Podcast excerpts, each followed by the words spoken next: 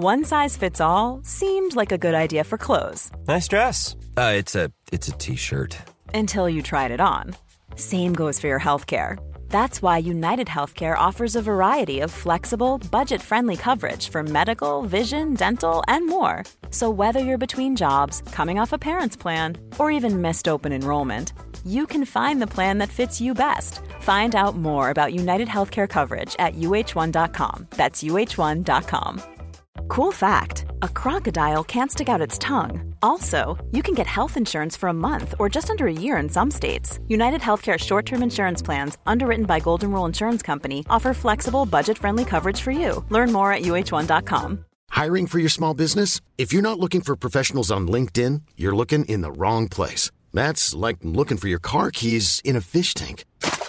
LinkedIn helps you hire professionals you can't find anywhere else, even those who aren't actively searching for a new job but might be open to the perfect role. In a given month, over 70% of LinkedIn users don't even visit other leading job sites. So start looking in the right place. With LinkedIn, you can hire professionals like a professional. Post your free job on linkedin.com slash people today. There's never been a faster or easier way to start your weight loss journey than with PlushCare.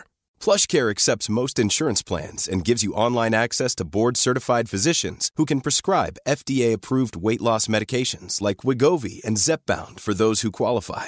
Take charge of your health and speak with a board-certified physician about a weight loss plan that's right for you. Get started today at plushcare.com slash weight loss. That's plushcare.com slash weight loss. plushcare.com slash weight loss. I'm amazed how many people own stocks. They, they would not be able to tell you why they own it. They couldn't say in a minute or less why they own it. Actually, you really press them down, they'd say, the reason I own this is the sucker's going up. There's enough cash in the financial system, and there's an infinite amount of cash at the Federal Reserve, an infinite amount Put of cash. Put that check in a money market mutual fund. Then we'll reinvest the earnings into foreign currency accounts with compounding interest, and it's gone. So they had to do something. All they had left was just to print money and start buying things. And that's what they did. Quick buck artists come and go with every bull market, but the steady players make it through the bear market. They say money can't buy happiness. Look at the fucking smile on my face. Hej och välkommen till ett nytt avsnitt av Market Maker som eh, idag Fabian, jag kanske inte ska börja så glatt. Det är stor sorg idag, eller hur? Det är en stor sorg. Eh, The Goat har gått ur tiden. Ja, precis. Vi spelar in det här november, eh, 29 november, onsdag alltså, så släpps det på torsdag den 30. Och igår då, så nåddes vi beskedet att Charlie Munger har gått ur tiden. Han var ju mindre, han var väl drygt en månad från att bli 100 år. Han fyller år den, 20 den 1 januari. Eh, och man får väl bara säga att det är ju en av investeringsvärldens största som har gått ur tiden, minst sagt. Och jag är väldigt glad att vi ändå hann iväg och se honom. Vi var ju väldigt oroliga när vi skulle på Berkshires eh, stämma att eh, Charlie Munger, eller Buffett för den delen, kanske skulle trilla av pinn. De har ju båda varit väldigt gamla. Eh, men vi hann ju till slut dit. Och det är ändå otroligt. Det var ju sista stämman han faktiskt gjorde. Ja, eh, det känns faktiskt helt otroligt att man lyckades hinna komma till den och eh, kommer alltid vara väldigt tacksam att, och glad att vi hann med det och hann se honom i person. Ja, för vi skulle ju åkt egentligen året innan och så minns att- och så vart det inte av eh, på grund av corona och så vidare. Två år innan skulle vi åkt. 2020, så tre år innan till och med. Precis, och så vart det lite stökigt med corona och allting. Eh, och sen när det väl skulle köras live, då missade vi det för att det var liksom för tätt inpå. Ja, så det var verkligen så stress över att kommer han överleva så här länge? Men det gjorde han, som tur var. Det var nästan som ödet. Ja, så kan man göra om man vill sätta sig själv som huvudperson i någon annans tragedi. Är inte Men, det som hela eh, grejen? Ja. jag Ja, skojar. nej, men eh, allmänt trå tråkigt, eh, kanske inte det mest oväntade, men eh, som sagt, ja, stor, stor man som gått ur tiden. Ehm, och eh, om man inte har läst så mycket om honom så är det ju givet att eh, läsa Ja, han har väl inte själv skrivit några böcker, men böckerna om honom och hans filosofi och hans biografi. Vad är, vad är det heter? Damn right Charlie. Ja, framförallt för- den jag känner till är den Poor Charlies Al- Almanac. Exakt, nu, nu blandar jag ihop två böcker och tryckte ihop deras titlar. Poor Charlie's Almanac och eh, You're Damn Right, som är biografin. Just det. Eh, Den, för, den första handlar ju lite mer om hans filosofi och den andra är en biografi över hans liv. Båda är starka böcker som man starkt rekommenderar. Och eh, om jag ska plugga oss själva lite grann också så kan jag väl rekommendera avsnitt 139 av podden då vi hade ett sommaravsnitt om just Charlie Munger där vi också rekommenderar lite läsning om honom och pratar igenom lite hans investeringsfilosofi och sådär. Oj, vi, jag kommer inte ens ihåg att vi har haft ett avsnitt. Vi har, jag har kört den här podden så pass länge att jag kommer inte ens ihåg avsnitten vi har haft. Eh, men eh, ja, det, är, det är nästan som man vill köra uppdaterad version av det med tanke på allt man har lärt sig av honom sen dess. Ja, jag hade en liten sån tanke först om vi skulle haft ett hyllningsavsnitt till honom, men det hanns inte riktigt med för att vi fick ju reda på det på igår, sent igår kväll Ja, 12 och idag sedan. skulle vi spela in. Så att det får komma framöver helt enkelt. Men en stor inspirationskälla som har gått ur tiden, så det är tråkigt. Eh, ja du, vi kan väl direkt köra våran disclaimer och hoppa in på dagens avsnitt. Det kommer bli mycket snack. Det kommer bli ett riktigt, riktigt låglikviditetscase idag. Sin vana trogen så kör Åh, jag det. helvete. Men det är också faktiskt en ganska intressant situation och stor, stor grej att jag äger inga aktier här så att det inte är för att pumpa min egen portfölj. Men det är faktiskt lite intressant där. Eh, Ett bolag som jag följt under lång tid. Du, du kan ju alltid säga det och sen äger du aktier ändå. Så Ja, men då, eh, då får väl Finansinspektionen kolla med det och så kan de Jag- se att det talar sanning. Ja, grejen är att jag tror att du kan få finansinspektioner på det ändå, så att det spelar ingen roll om man äger eller inte. Ja. Det är bara för att vara schysst mot lyssnarna. Eh, I alla fall så ska vi prata bland om det och vi kommer prata om en uppköpskandidat som du har också och eh, ja, lite andra. Jag har faktiskt lite rättelser också för första gången någonsin.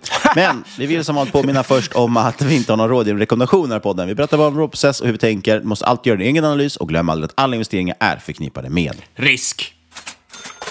Och den här veckan sponsras vi återigen av våra vänner på RoboMarkets, den europeiska multi-asset-mäklaren som ni känner så väl till. De har ju över 12 000 instrument att handla och det finns någonting som kanske RoboMarkets är lite extra bra på att handla och det skulle jag säga är amerikanska, eh, amerikanska aktier och ETFer. Eh, och varför är de det? Jo, för dels de har ett ISK med dollarkonto. Och det pratade vi om sist. Man slipper ju då växlingsavgifter eh, och framförallt slipper den här nettoväxlingen som är närmast eh, tjuvaktig som vissa nätmäklare håller på med. Eh, de har också faktiskt marknadens bästa villkor för USA-handel där minimikortaget ligger på från 0,5 dollar faktiskt. Sen har de också nu en koppling mot TradingView som är väldigt smidig. Om man jobbar med använder TradingView i sin handel så kan man nu handla direkt via TradingView-graferna med sitt RoboMarkets-konto, vilket ju är otroligt smart. Ja, verkligen. Och eh, har man några frågor kan man kontakta Robomarkets-teamet som sitter i Stockholm. Och framförallt så kollar man in robomarkets.com. Länk finns såklart i avsnittsbeskrivningen. Men kom som vanligt ihåg att all trading innebär höga risker. Besök Robomarkets hemsida för fullständig riskinformation. Vi säger stort tack till RoboMarkets. Och jag tänkte innan vi hoppar in på case ska jag bara snabbt köra några rättelser här. Ska vi ta det? Så vi har det avklarat. Åh fan. Vi brukar inte hålla på Va, med vad sånt. har du sagt nu, Niklas? vad har du sagt nu? Ja, men det ena är en sak, det här behöver vi inte ens ta upp egentligen, men jag tyckte det bara var roligt att jag eh, hånade, hånade ju alla lite grann för deras mattekunskaper förra veckan, men gjorde bort mig totalt. Vet du vad jag pratar om? Äh, ingen aning. Jag pratade ju om eh, Cincino förra veckan och då sa jag att eh, aktien har gått ner väldigt mycket och då sa jag att halveras kurs och sen har den dubblats igen. Och då sa jag att halveras kursen och sen dubblas den igen, då är det ju inte tillbaka på all time high. Det är vanlig grundskolematte. Fick jag dock eh, lite meddelande här om att det är ju, tillhör ju grundskolematten att förstå att en halvering och sen en fördubbling är då tillbaka på samma nivå som innan. Så att det var lite klantigt uttryckt av mig. Det jag menar var att aktien gick ju ner nästan 85 procent. Så den har kraftigt, kraftigt kraschat och då spelar en dubblering inte så stor roll för man har fortfarande långt kvar till all time high. Men det var väldigt klantigt uttryckt av mig och helt felaktigt framförallt. Ja, jag tänkte att det skulle vara liksom så här att man, eh, man visar lyssnarna att de behöver inte vara rädda för att se dumma ut. För att det är alltid sätter på podden så kommer det finnas någon som är ännu dummare att lyssna på. Ja, men så är det. Och framförallt det handlar det om att försöka se om lyssnarna är vakna eller inte. Det är så här man får reda på vilka som verkligen lyssnar på podden och inte. Det är de som skriver till en och säger att man hade fel. Eh, sen tänkte jag bara rätta lite kring RakeTech som vi pratade om här för några veckor sedan, eller några veckor sedan. Och, eh, eller eh, liksom addera lite grann, för vi pratade lite om de här avsättningarna för earnouts. Så kort recap här då. Vi pratade om RakeTech och de har ju det här, äger det här bolaget Kasumba som är väldigt stort i Japan. Eh, och där har man ju skrivit på ett kontrakt då, där man egentligen har obegränsade earnouts. De får ju någon form av multipel på ebit har jag för mig att vi kom fram till. Eh, och eh, nu ska det sluta räknas nu här vid 2024 om inte jag förstått det fel. Eh, vid slutet av, eller förlåt, slutet av 2023, alltså när 2024 börjar. Och då ska det börja betalas ut ganska mycket pengar här. Och det är det här som lite lägger som en våt filt över aktien. Att hur mycket kommer de här earnadsen bli och eh, hur kommer det påverka liksom, eh, ja, kassaflödet framåt helt enkelt. Och det är ju lite oklarheter där. Bland annat sa jag lite felaktighet tror jag. Det var att jag sa att de gör avsättningar för earnout, så det stämmer inte riktigt. Jag tolkade det så för att jag läste i att de gör i kassaflödet påverkas av earnouts-betalningar, men det tror jag är löpande betalningarna som sker bara. Det är inte så att man reserverar pengar framåt. Eh, sen har man också, tycker jag, varit lite otydlig i kommunikationen, men det var faktiskt en jättefin slide som Marcus från Kvalitetsaktiepodden skickade till mig från konfkålet. Jag lyssnade bara på frågorna i konfkålet och sen brukar jag läsa rapporten. Men då hade de delat en bild som jag hade missat där de visade tydligt vilka earnouts som kommer betalas ut nu 2024, 2025 och 2026. Eh, och det handlade egentligen om att man kommer ta ut 17 miljoner 2024, 9 miljoner 2025 och 20 miljoner 2026. Och det här är väl då i euro. Eh, och då visade man också en tydlig fördelning av hur man kommer betala det. Dels är det en liten andel aktier, den diffar lite mellan åren och är inte helt exakt. Men någonstans, om man verkligen drar tummen på pekfingret, så är det mellan 5 till 20 procent av det här per år kommer att tas med egna aktier. Eh, resterande med cash. Och då har man en ganska hög marginal över det på eh, kassaflöde över. För nuvarande kassaflöde ligger på 22 till 24 miljoner per år, eh, säger man. Och då finns det en god marginal då att kunna betala de här ersättningarna. Men vad är det då Eriksson som jag menar med att det ligger en våt filt? Jo, men dels kommer man inte få 100% av kassaflödet som man genererar eftersom en stor del ändå kommer gå till att betala earnouts. Och det gör ju såklart att värderingen dras ner en hel del. Det andra som är grejen dock, det är ju den risken som då finns i caset. Ja, risken är ju att till exempel Kasumba havererar eller övrig verksamhet havererar så att man inte genererar den här typen av kassaflöde som man sagt. Och därmed är det då slut på pengar väldigt fort för man måste ju betala med earnoutsen. Eh, och då kommer man antagligen behöva betala med någon form av nyemission eller mer troligt att man skär kostnader. Det lär man göra före man gör nyemission, tänker jag. Eh, men jag tycker fortfarande, jag vet att en del då tycker att det finns en, en viss lite, en svår risk här som är svår att ta på. Eh, jag tror ju dock, tror man på bolaget, då tycker jag att liksom base caset borde vara att Kasumba fortsätter växa hyfsat och verksamheten i övrigt fortsätter växa hyfsat. Och då har man en ganska god marginal där, så jag är inte så orolig för de här earnoutsen. Eh, men det kan bara vara bra att förtydliga lite där hur, eh, hur det ser ut. Ja, eh, och eh, för disclaimer så har vi fortsatt aktier, både jag privat och vi har väl i bolaget också. Eh, exakt, men jag har inte privat. Tydligt statement. Jaha du, ska vi hoppa in lite på, du ville prata lite om, du ville skryta lite eller? Ja, skryta och skryta, men jag tänkte att vi skulle prata om ett bolag som heter Bragg. Precis, Bragg och det betyder ju att skryta. Ja, exakt. Fast det är ju grundskoleengelska. Fast det här stavas ju med två G, så det, det är lite, lite bragg. Aj då, aj då, då blir det fel igen. Ja. Men eh, vi kan inte räkna, och vi kan inte heller stava i den här podden, så det spelar ingen roll. Jag, eh, jag gick inte klart grundskolan, jag gick ut och jobbade i kolgruvan när jag var tio. Så jag behövde aldrig lära mig räkna eller läsa. Men eh, vi pratade ju om Bragg Gaming Group för några avsnitt sedan. Eh, när vi pratade om, eller vi nämnde det, när vi pratade om iGaming-bolaget GANs uppköp eh, från börsen och att Bragg Gaming Group var en sån här uppköpskandidat som flöt runt lite på Twitter. Eh, intressant nu att eh, i veckan, eller om det var slutet på förra veckan, så har Twitterprofilen och aktivistinvesteraren Jeremy Raper, eh, olyckligt namn, men... Eh, ja, jag tänkte precis säga att jag tänker inte göra något skämt om hans namn, för då blir man blockad på Twitter. Men det jag kan säga för att han är en väldigt, väldigt duktig investerare. Jag tycker om honom väldigt mycket eh, och följer honom på Twitter. Han har mycket bra intressanta case, även om vissa kan vara väldigt svåra att nå. Eh, och han medverkade, jag kan verkligen rekommendera om man får lite mer flavor på vem han är, så kan man lyssna på en podcast som heter The Business Brew, där han var med för eh, typ tre avsnitt sedan. Eh, det var andra gången han var med där. Den, det var ett jätteintressant avsnitt om man vill förstå hans strategi och lite hur han har blivit någon slags aktivistinvesterare. Från att tidigare jobbat med annat så han har väl sizat upp rejält och insett att han kan hitta liksom möjligheter där han går in och tillsammans med sin Twitter-following driver förändringar i bolaget, vilket jag har gett till, genererat bra avkastning. Exakt, och han satsar ju mycket på special sits snarare än liksom, normala buy and hold-bolag.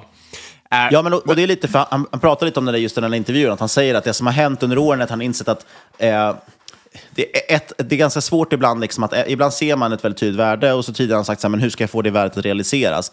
Ja, då har man behövt sitta och vänta på det eller försöka hitta något annat case istället. Och så har han insett, men nu med, i och med att jag har ganska stor following, då kan jag liksom själv kanske gå ut att driva den förändringen. Och då har han börjat prova det här med att skriva aktivistbrev och liknande och tagit size och försökt få med sig andra. Och det har ju varit väldigt bra. Det är, några case har det inte funkat alls och några case har funkat väldigt, väldigt bra och betalat av sig rejält. Så det är väldigt intressant faktiskt. Jag tycker han är som sagt en väldigt duktig investerare och värd att inspireras av. Men så, ja, så är det rent allmänt. Och då var det samma när man lyssnade på, var det David Einhorn som var med i några poddar för, för något år sedan. Eh, där han också pratade om, eh, det kan ha varit någon annan eh, stor investerare och jag säger fel nu, men han pratade mycket om att han inte längre kollade på att endast han kollade inte längre bara på billiga bolag. Han ville ha en tydlig anledning varför det skulle värderas upp eller varför andra skulle komma in i det eller varför konsensus skulle ändras eller att det skulle vara en inflationspunkt och så vidare. Eh, för att om du bara köpte billigt bolag så var det alldeles för stor sannolikhet att det skulle förbli billigt för att andra skulle inte köpa det och det skulle inte värderas upp till slut. Uh, men i alla fall, uh, tillbaka till Mr. Raper, uh, nuvarande näst största investeraren i bolaget, om jag förstått det rätt. Um, som sagt, kom ut med det här aktivistbrevet om Bragg och menar på att hela bolaget borde säljas Ehm, då man då skulle kunna låsa upp ett stort premium och värde till aktieägarna. Ehm, samt att han tycker att det finns intresse här från tredje part rörande Braggs tillgångar och eh, plattform och väldigt stort intresse. Eh, aktien har ju såklart inte stått stilla på det här. Eh, är väl upp cirka 20 procent sedan dess. Och bara, bara, bara för att kort sammanfatta här, Bragg verkar både inom B2C, så typ spel, och B2B, vilket innebär typ dataplattform, väldigt likt GAN på det sättet. Eh, kunder är DraftKings, Entertain, Kindred, eh, som vi också nämnde för några avsnitt sedan och nu visar det sig att Kindred ska ju lämna USA. Så att eh, de har ju, det här är en liten avstickare, men snabbt gått från Sveriges finaste iGaming-bolag till lite av en eh, Det verkar, jo- jobbigaste sitsen. det verkar bättre att satsa på Turkiet än eh, USA, känns det som. Vi har varit inne på det lite med många av de här spelbolagen, ju, att det här med USA som det förlovade landet känns ju inte riktigt längre som att det är en, en dröm som infrias. Det verkar vara väldigt, väldigt tufft att slå sig fram i USA. Och Kinder, som säger, drar sig tillbaka, skulle sparka också ett par hundra personer tror jag. Ja, men så är det ju. Det är liksom om alla vill in i en, liksom ett område eller bransch eller sektor så kommer det bli dyrare att göra och ROI kommer dras ner så det blir jättesvårt att tjäna pengar på det. Ja, och de amerikanska aktörerna där har ju haft så otroligt mycket pengar att, att eh, konkurrera med. Så att det är jättesvårt. Det är nog bättre att vara då en B2B-leverantör, typ Evo eller vad det nu kan vara. Eller de här då, Bragg, som levererar till de eh, operatörerna så får operatörerna slåss. Exakt. Ehm, och på tal om Turkiet, de har ju även Betsson som kund och Unibet bland annat. Så de har ju väldigt många kunder här. Eh, så det verkar ju vara en plattform som har mycket det som till exempel GAN inte hade eh, och som faktiskt kan finnas intresse här för uppköp. Eh, senaste fem åren har Bragg växt omsättningen fyra gånger om. Adjusted ebitda 14 gånger om. Men aktien är ändå ned 25 procent eh, sedan dess, trots en Nasdaq-omlistning som brukar uppvärdera eh, bolagen. Jag menar, det var ju hela grejen bakom GAN-caset när vi pratade om det för tre, fyra, fem år sedan. Aktien handlas till cirka eh, gånger ebitda eh, på rullande 12 och eh, 4-5x på 2024s estimat. Så det är inte dyrt heller. Eh, och det är rätt intressant när du jämför det här med många eh, transaktioner, de transaktioner som hänt senaste 12 till 24 månaderna inom eh, B2B och B2C i iGaming. Eh, För då har ju bolagen handlats till en snittvärdering om 19 gånger ev-ebitda och en medianvärdering om 15x. Och nu handlar ju Bragg på cirka 4-5 på 2024, så även om du bara ser en dubblering här, handlas det 10x, så är det långt under vad andra eh, transaktioner gått på. Men samtidigt långt över dagens värdering. Så du har ju väldigt hög marginal där. Um, så väldigt stor liksom, potentiell premium uh, om man skulle börja sälja av Braggs uh, eh, tillgångar. Och med tanke på tillgångarna och säkra tillväxten så finns det nog någon tredje part där ute som vill, uh, vill ha det här. Och kan man realisera det så, även om det säljs långt under snitt eller medianvärderingen så finns det ju en stabil uppsida för, eh, för aktieägarna. Men måste agera snabbt medan marknaden fortfarande är stark. Ser man en recession 2024, marknaden viker, ja då är det ju kört och det är väl den största, inte den största risken, men det är en stor risk bakom det här special sits-caset. Ja, och eh, jag tänkte faktiskt också prata lite om en special situation idag, men i ett bolag som har betydligt lägre market cap och det är ju Talkpool. Eh, ticker Talk, eh, noterat på First North och som sagt, det här är ju ett superhög risk-case. Det har låg likviditet, lågt börsvärde, ganska få ägare på Avanza, men tycker att det kanske är en lite intressant situation just nu, även om det finns mycket risker med det här eh, caset. Det, det här Eh, bolaget har väl varit känt som en riktig, riktig dog på First North. Ja. Talkpool borde väl kallas för typ Talkpoo. Med tanke på hur det har skötts. Ja, men det är lite så. Det är det som är intressant. Jag vet att det är många som har följt det här bolaget över tid. Jag har sett många på Twitter liksom, som har skrivit om det och försökt håsa upp det under många, många år. Eh, men det har aldrig riktigt lyft, och även om de har omsatt en del. Och det de håller på med kan man snabbt säga, det är nätverkstjänster och IoT, alltså Internet of Things. Men det har varit så otroligt stökigt här och det är väldigt otydligt också vad det är de faktiskt gör i de här.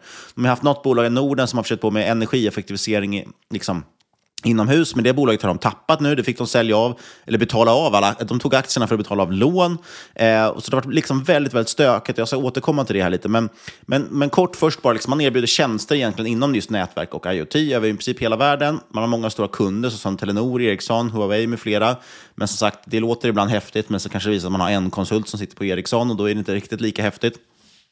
Eh, men det stora är att det har varit en väldigt, väldigt stökig resa. Eh, man har liksom under åren inte riktigt nått lönsamhet. Man har kunnat öka omsättningen och gjorde all time high omsättning 2022, men inte fått ordning på lönsamheten och nu har det totalt havererat i det här bolaget. Men ser ut som att turnarounden kanske börjar vara klar eh, och då händer det lite intressanta saker i bolaget.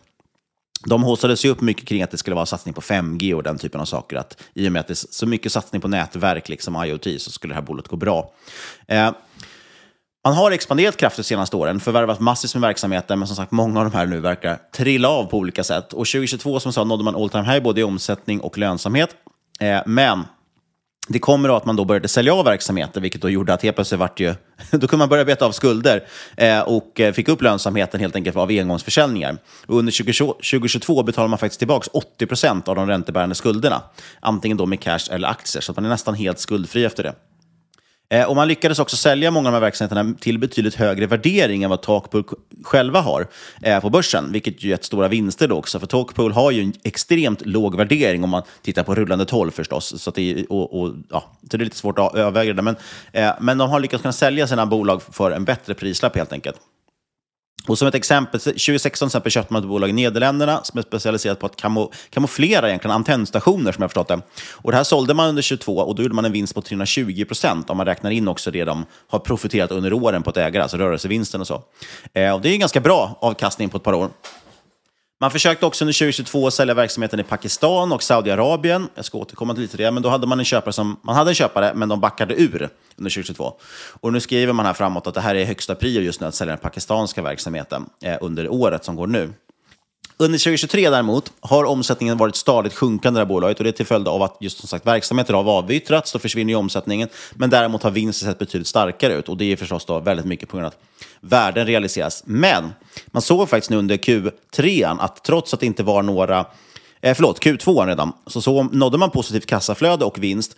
Eh, och det var trots att där skedde inga större försäljningar. Där var det liksom inga extraordinära intäkter som tryckte upp det resultatet, utan det var ett helt enkelt kassaflödespositivt bolag.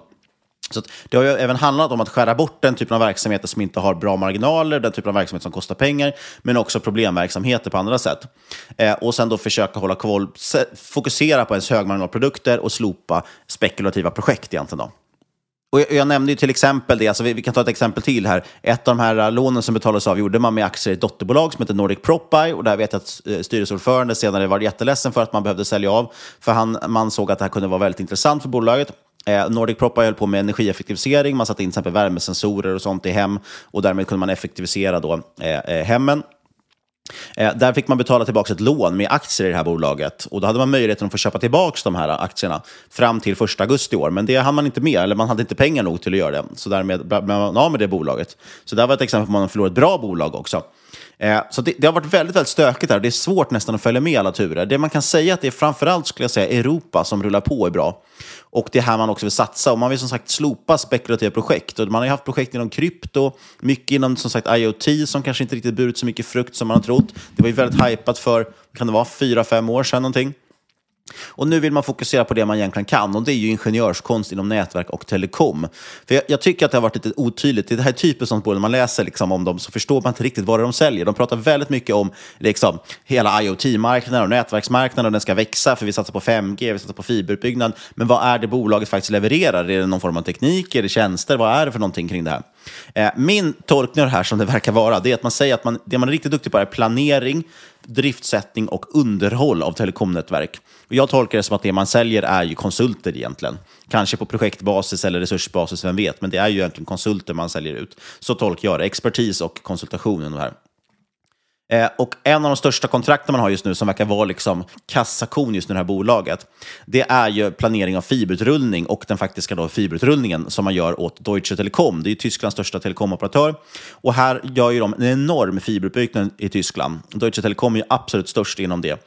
Eh, och vi som har följt Hexatronic och deras jobbiga resa vet ju allt för mycket om fiberutrullning just nu, hur det ser ut. Men Deutsche Telekom är ett väldigt stabilt avtal med höga marginaler. I Q1 i år skrev man på ett femårsavtal här med väldigt stora intäkter. Eh, så jag skulle säga att det känns som ett relativt säkert projekt, det är ett högmarginalsprojekt och det är väl det största också avtalet i Talkpools historia som jag tolkar det. Så det här är det som jag skulle säga, liksom, jag vet inte om jag ska säga tillväxtmotorn, men det är kassakon i alla fall just nu. Det är det som genererar kassaflöde i det här bolaget. Eh, så det är ett liksom, ganska stabilt kontrakt man kan räkna på. Hur, hur, hur mycket snackar vi när de genererar kassaflöde per år? Jag menar, det är ett litet bolag. Det känns ju här som det genererar typ vad en... Vad du hade jobb, dragit in om du jobbade på någon storbank liksom som privatperson. eh, värdet på avtalet, eh, det senaste jag läste, var ju ungefär, ja, lite knappt 20 miljoner euro. Eh, så vi säger då, vi, gör ett snabbt överslagsräkning så blir det ungefär 200 miljoner kronor. Och bolaget har ett börsvärde på drygt 30 miljoner. Så det är ett väldigt stort avtal eh, i förhållande till hur stora Talkpool är. Lite annan problematik då, som bolaget har dragits med. Q3 nu till exempel, var den senaste rapporten som kom. Då tvingade Talkpools belgiska bank fram en konkurs av hela verksamheten i Belgien. Eh, så den verksamheten skrev man av. Jag tror man skrev av halva redan förra året om jag inte minns fel. Eh, men nu skrev man av resten av den verksamheten för att eh, banken gick in och frös alla konton och sa att det här bolaget ska sättas i konkurs. trots den nedskrivningen så visar man ändå en vinst faktiskt i Q3. Men å andra sidan så tror jag att Belgien stod för mindre än 3% av hela omsättningen. Sen kan man ju hoppas, jag vet inte, det är kanske för spekulativt, men den processen är inte avslutad än. Det är alltid som ett konkursbo, det kan ju visa sig att det finns pengar kvar, då får ju tåg pulla ut dem. Men mest troligtvis inte, annars skulle de ju inte kanske ha fryst bolagets eh, resurser och eh, tvingat fram konkursen. Eh, men sen var det också ytterligare stökigheter i det här bolaget. Det är verkligen totalt kaos här inne. Eh, ytterligare stökigheter. Vdn försvinner också. Erik Strömstedt försvinner, eller han kommer vara kvar som jag förstår och hjälpa till med slutföra turnarounden. Men han eh, försvinner som vd i alla fall. Har inte riktigt sett om han blev avsatt eller själv avgått. Det är ju väldigt svårt ibland också att avgöra. Eh, men istället hoppar ordförande Magnus Sparholm in som interim-vd. Och han tycker det känns lite härligt, han känns som en realist. Eh, dels så lägger han ut en bild från sig själv när han är på sin vingård, tror jag, i vedorden. Men framförallt så lindrar han inte in saker och ting i vedorden, utan han säger väldigt uttryckligen vad han tycker och känner om vissa saker. Eh, och han säger ibland det att man liksom, han är väldigt ledsen till exempel för att de tappade Nordic Prop för det tyckte han var en väldigt intressant verksamhet. Eh, och, eh, ja, och säger egentligen väldigt rakt ut vilka typer av verksamhet måste bli av med. Han säger också till exempel att den pakistanska verksamheten, ja, även om den tickar på bra, de har någon spännande AI-satsning som många bolag vill investera i, så säger han att det är, det är typ, ja, inte exakt hans ord, men det är ett värdelöst land att operera i, det han säger mellan raderna. Vi får i princip inte ut pengarna från det, från det landet. Eh, och därmed, därmed är ett av hans högsta fokus just nu med att faktiskt lyckas med den försäljningen av verksamheten. Som jag sa, 2022 hade man köpare på gång, men lyckades inte genomföra försäljningen och backade ur. Nu har man sedan ett eller två kvartal tillbaka initierat, tagit in en mäklare och man har ett par intressenter. Så förhoppningsvis så kommer det säljas här kanske under, kanske till och med redan i år eller tidigt nästa år. Då. Man har också då, som sagt, dels frivilligt men också lite ofrivilligt, till exempel med den här konkursen, eh, minskat ner antalet marknader från 10 till 4. Man förväntas vara helt klar nu med sin turnaround i år och sen ska man under 2024 ha det man kallar för en kontrollerad tillväxt. Eh, jag skulle inte räkna med några större omsättningsökningar annat än från då eventuella försäljningar. Eh, men däremot kan man då som sagt se till att ja, dra in de här pengarna på det här tyska avtalet och sen ha lite marginal på det så att det faktiskt spar, tjänar lite pengar också. Man sätter också en målsättning om att ha nå, nå 30 procent i bruttomarginal och det är ungefär där man ligger just nu. Och man ska också nå 10% marginal på vinst efter skatt och det är ungefär där man ligger nu också. Eh, man säger att man ska fokusera nu mer på traditionella ingenjörstjänster istället för utvecklad teknik och man ska bli mer en återförsäljare av andras teknik snarare än att försöka kringa sin egen som man utvecklar. Och det är helt enkelt för att spara pengar och det går återigen linje med det här. Jag tror att man blir, mer blir en konsultlåda än någonting annat. Och trots den här supernegativa utvecklingen i bolaget och minskad omsättning och så vidare så tror man sig fortsätta den här positiva trenden med ökad vinst även in i nästa år. Och, och det är det här egentligen som jag tycker kanske är mest intressant med det här. Det är att man tänker sig att man ska rulla ut ett återköpsprogram nu i Talkpool. Som ska rulla under 2024. Eh, och då kan man titta på att som sagt, börsvärdet är extremt lågt. Vi har ett börsvärde idag på 30 miljoner kronor. Det mesta av lånen är betalda. Man säger att man kanske inte behöver betala tillbaka precis alla lån, eh, utan lite grann kan man ju faktiskt ha. Det är inte helt farligt med skuldsättning. Eh, och så tittar vi då på vad skulle de ha fått betalt för den här verksamheten i Pakistan och Saudiarabien. Jag har tyvärr inte sett den uppdelad, utan Pakistan och Saudi sa man att man skulle köpa ut för närmare 4 miljoner dollar förra året. Det kan vi ställa i relation till att de omsatte 25 miljoner euro 2022. 2023 förväntar man sig eh, gå ner till 15 miljoner euro, men tittar man faktiskt på siffrorna så tror jag snarare att man landar kring 13 miljoner euro i år. Eh, för hittills har man omsatt cirka 10 Eh, och förra Q4 omsatte man 6 miljoner, men i år kommer man hamna mindre. Eh, Penser, det enda bolaget som jag vet följer Talkpool, de estimerar att man ska slå, nå 17 miljoner euro i omsättning i år. Det tror jag inte är möjligt. Jag tror någonstans 13-14 kanske. Och skulle du då sälja någonting för 4 miljoner dollar, eller ja, 3,6 ungefär miljoner euro, eh, bara det ökar ju omsättningen med 30 procent rakt upp och ner om man skulle lyckas sälja till den prislappen. Nu kanske man då som sagt bara säljer Pakistan, som jag förstår det. Eh, och då ger, men det, även det borde ge en signifikant engångsökning. Och i princip då, skulle du lyckas med den här försäljningen på 36, eh, alltså ja, drygt 30 miljoner kronor, nästan 40, då kan du i princip köpa ut hela bolaget från börsen, eftersom det är så pass litet. Så det, det säger ändå någonting om, om storleken som man skulle kunna ha på ett återköpsprogram, om det här lyckas. Men som sagt, det är ju mycket, mycket saker här som ska, som ska klaffa också för att det ska, bli, för att det ska faktiskt funka. Eh, jag har inga estimat i övrigt för det här eh, bolaget. Jag tycker det är för mycket osäkerheter, framförallt att spekulera kring vinsten. Eh, men det är ändå notera, värt att notera att P talet just nu på rullande 12 är 1,7. EV ebit ligger på 3,5. Det är nästan som dina oljebolag Fabian. Men då drivs det här väldigt mycket av att man gjort sådana här försäljningar. Så att det är jättesvårt att egentligen titta på de här bitarna tycker jag. Eh, vinstmarginal som sagt just nu ligger på kring 10 procent och det är det man vill ligga på, säger man framåt. Medan bruttomarginal ligger på nästan 30 procent och det är också enligt målet. Både brutto och vinstmarginalen ökar sekventiellt. Och jag tycker framförallt det är intressant med bruttomarginalen och även ebit-marginal då, eftersom den inte liksom bara beror på en finansiell, eh, finansiell effekt av försäljningen. Eh, Erik Penser sagt följer bolaget. Eh, de eh, räknar med sjunkande omsättning fram till 2025. Eh, dock tror de att bolaget ska öka marginalen och de realiserar värden, vilket gör att de tycker att det motiverade värdet då skulle ligga på drygt 10 kronor.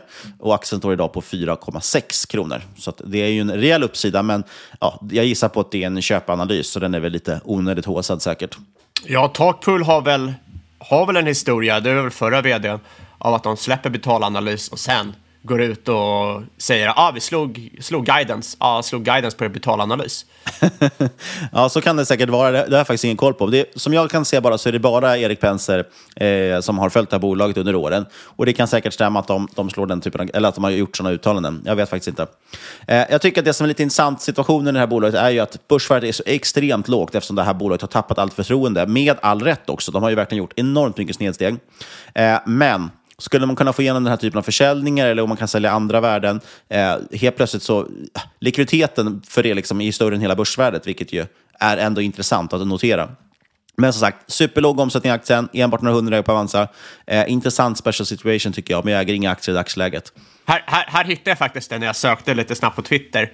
Eh, Talkpool skickar ut typ ett PM att de outperformade estimaten eh, som analytiker i eh, betalanalys har skrivit. Och det är då Erik Pensers bank, estimat ja. för Q4 2021.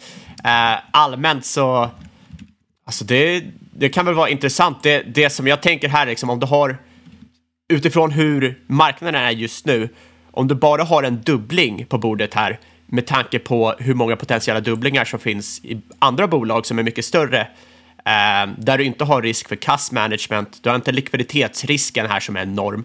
Eh, du har inte cykelrisken här med tanke på att du går in antagligen på liksom, toppen av en cykel med tanke på telekomindustrin, alltså extremt capex-intensivt. Du har kundrisk för att du har en stor kund och du har take under risk om man då liksom säljer och sen köper till till lägre än vad man köpt in sig på. Jag, jag, jag, jag vet inte, jag blir, blir lite nervig av ett sånt här bolag. ja, med all rätt också. Som sagt, jag äger inga aktier i dagsläget i det här. Men jag tyckte att det var en rolig special situation i alla fall som man kan titta på. Om inte annat får man väl gå in och skriva ett aktivistbrev, köpa upp sig till den största ägare och så driva på att de ska använda hela försäljningslikviden till att köpa ut bolaget. Vill du prata lite lyx eller? Ja, Eh, tänkte bara snabbt avhandla lite lyx här. Vi har ju tidigare pratat om vin och lyxmarknad och hur starkt det har hållit sig Eh, borta från liksom, svagheter man sett på många andra delar av marknaden. Men nu verkar det som att vissa delar av lyxsegmentet börjar vika det också. Bland annat har jag sett att värdet på lyxwhiskys eh, sålt på auktion eh, faller till det lägsta på ett årtionde om man bortser från liksom, botten i coronapandemin. Och vad är då en lyxwhisky? Ja, det är eh, flaskor på 700-750 ml som säljs över 1000 pund. Så i lite, lite pesetas här för, eh, för lyx. Men eh, det, det som är intressant här är ju att liksom börjar man, man, har ju tänkt här, lyx, det är ju safe haven, äh, safe haven det är en tillgångsklass som liksom, de, de allra rikaste alltid kommer köpa oavsett hur ekonomin går. Men nu börjar man ju se kanske här att det börjar slakna lite och vad liksom, betyder det för eh, resten av marknaden? Mycket här har ju att göra med att eh, Kina har kanske påverkats mer av den här skakiga fastighetsmarknaden än man tror och eh, det leder ju till att de kanske inte är lika intresserade av att köpa dyr whisky, dyrt vin, eh, dyra kläder framöver som eh, marknaden kanske har inbillat sig att de är. Nej, vi har varit inne på det tidigare med att eh, det man ska ta med sig, tittar man på till exempel LVMH och så vidare och, och, och lyxkonsumtionen, liksom, hur den har gått under tidigare år, så har vi sagt att det ofta har varit historiskt en safe haven ändå under kristider. Men det har ju alltid en initial nedgång. Det är ju inte så att det liksom går rakt upp. Eh, till exempel under finanskrisen brukar man prata om, då var det ändå ett hack i kurvan, men en snabb återhämtning. Men det är kanske speciella tider just nu eftersom en så stor del tror jag, av den här lyxmarknaden har drivits på av Kina som du är inne på. Eh, men också kanske att många ändå har lyckats realisera stora tillgångar till exempel i aktiemarknaden och liknande. Eh, och, ja, jag vet inte. och många av dem har ju kanske fallit tillbaka eh, när krypto och så vidare har kraschat igen. Så jag vet inte, det, det kan säkerligen vara så att det, eh, historien inte upprepas den här gången. Nej, eh, absolut. Men ja, det är lite intressant det där med eh, konsument, konsumenten och hur starkt liksom, den har varit senaste, senaste året, senaste åren. Eh, kollat på amerikansk data på det här.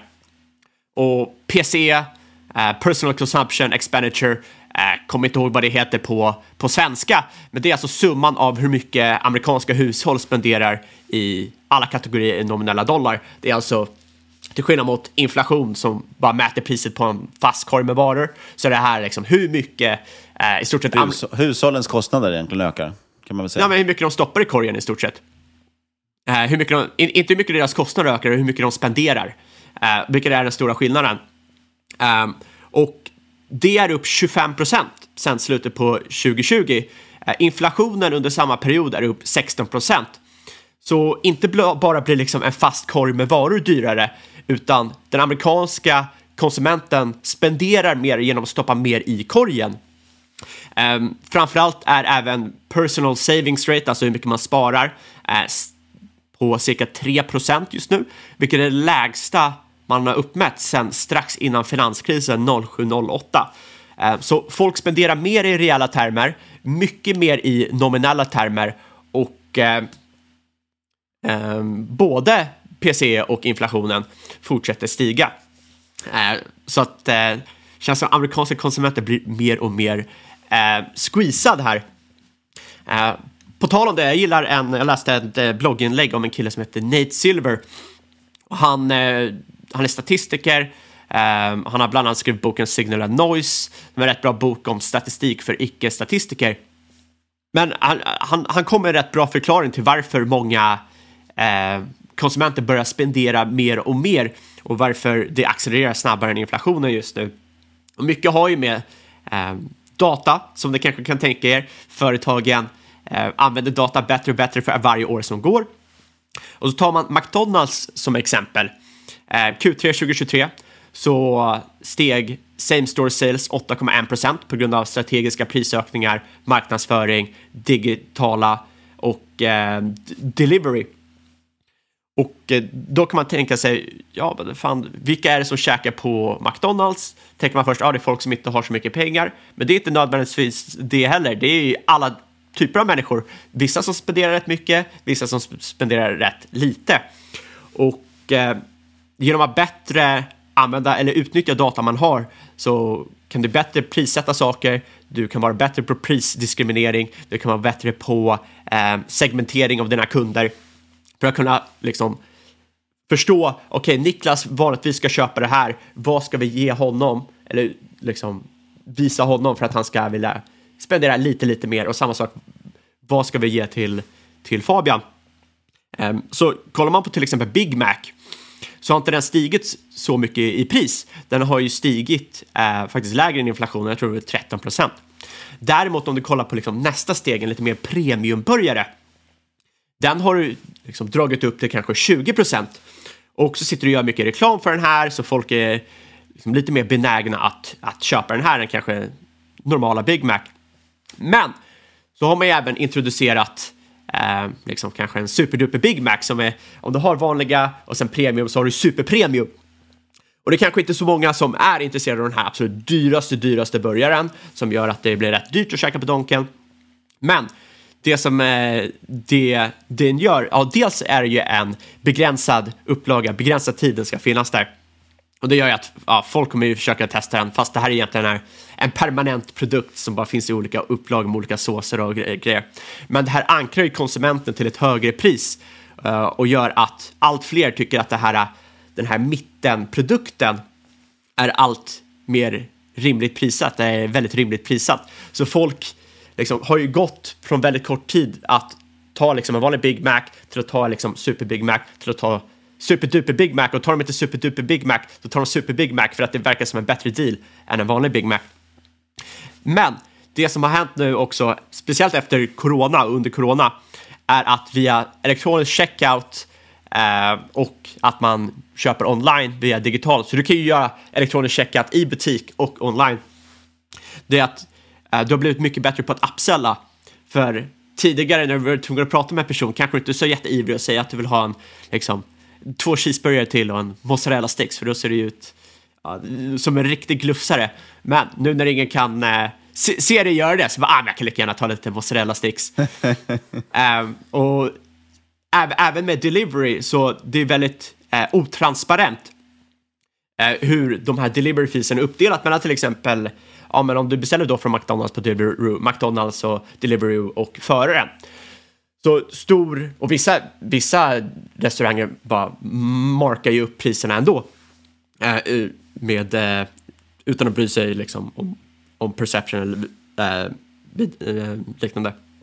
Men det, det jag skulle komma till här är liksom att så du har en dyrare meny, du har fler upsells, eh, du har leverans. Det här är inget nytt, men segmentering och prisdiskriminering och targeting har blivit väldigt, väldigt mycket bättre eh, under väldigt kort tid, vilket leder till att många har, tänker att samhället har blivit mycket dyrare på grund av inflationen, vilket det har blivit såklart. Men mycket av det har också börjat göra att eh, företag har blivit bättre på att få dig att spendera mer. Och det här är inte bara McDonalds, det är så här om du går till en matvarubutik. Så förr i tiden om du skulle köpa köttfärs så fanns det köttfärs. Nu finns det liksom så här Ica Basic köttfärs, du vet den som ser ut som den är gjord på liksom grisar som har dött en horribel död. Och så har du den vanliga Ica köttfärs och det är väl den som ser liksom helt okej okay smaskig ut och sen har den här äh, lite dyrare premiumvarianten av köttfärs. Och nästan alla butiker har liksom tre olika varianter av allting. Ehm, och det är ju för att du ska kunna spendera lite, lite mer eh, de ska kunna tjäna lite, lite mer pengar på det. Och jag tycker att det är en rätt eh, intressant sak att, att tänka på nu i inflationstider. Att ja, saker blir dyrare på grund av inflation, men många företag har också blivit bättre på att få dig att spendera mer väldigt lång utläggning för någonting som eh, kanske inte behövde varit så... Nej, men det är väldigt intressant. Och det är väldigt intressant att fundera på det med vissa cases som du är inne på. Typ ett bolag som McDonalds, som, som man kan ha vissa förut, förutfattade meningar om hur de ska leverera i en viss typ av ekonomi. Eh, men de kan ju ibland kringgå det på, på andra sätt. Bra, och med det tänker jag att vi avslutar dagens avsnitt. Och som vanligt lite innehavsförteckning. Eh, vi äger aktier i RakeTech som vi pratade om, men däremot ingenting i Talkpool eller Bragg, eller? Eller äger du aktier i Bragg? Jag äger inte aktier i, i Bragg. Tänkte mest det var intressant att ta upp eftersom vi nämnde det för några avsnitt sedan. Oavsett vad vi äger och inte äger så ska det komma åt inget hörs när podcast ska ses som rådgivning. Alla åsikter, egen eller gäst och eventuella sponsorer tar inget ansvar för det som sägs i podden. Tänk på att alla investeringar är förknippade med risk och sker under eget ansvar. Vi vill rikta ett stort tack till Robomarkets, vår sponsor. Gå gärna in på länken i avsnittbeskrivningen och följ dem på Twitter. Det heter de at robomarkets.se. Och vad heter vi på Twitter Fabian? Ja, vi heter at marketmakerspod där du jättegärna kan kontakta oss eller om du inte vill göra det öppet så kan du skriva till podcast at marketmakers.se och kom, med, kom ihåg att lämna en recension på iTunes, men bara en bra sådan, så vi får bra betyg och fler vill lyssna på oss. Och sist, men absolut inte minst, kära lyssnare, stort tack för att just du har lyssnat. Vi hörs igen om en vecka.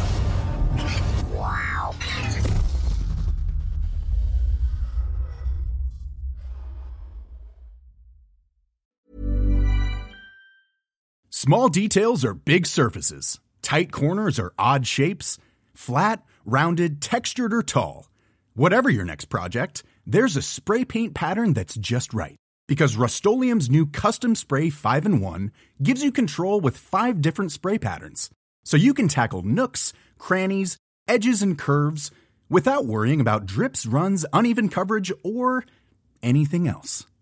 Custom Spray 5 in 1. Only from Rust Mom deserves the best, and there's no better place to shop for Mother's Day than Whole Foods Market. They're your destination for unbeatable savings, from premium gifts to show-stopping flowers and irresistible desserts. Start by saving 33% with Prime on all body care and candles. Then get a 15-stem bunch of tulips for just $9.99 each with Prime. Round out Mom's menu with festive rosé, irresistible berry chantilly cake, and more special treats. Come celebrate Mother's Day at Whole Foods Market. That's the sound of another sale on Shopify in store. Shopify POS is everything you need to sell in person. From payments to inventory, Shopify unites your sales into one commerce platform. Sign up for a $1 per month trial period at shopify.com slash retail23. Shopify.com slash retail23.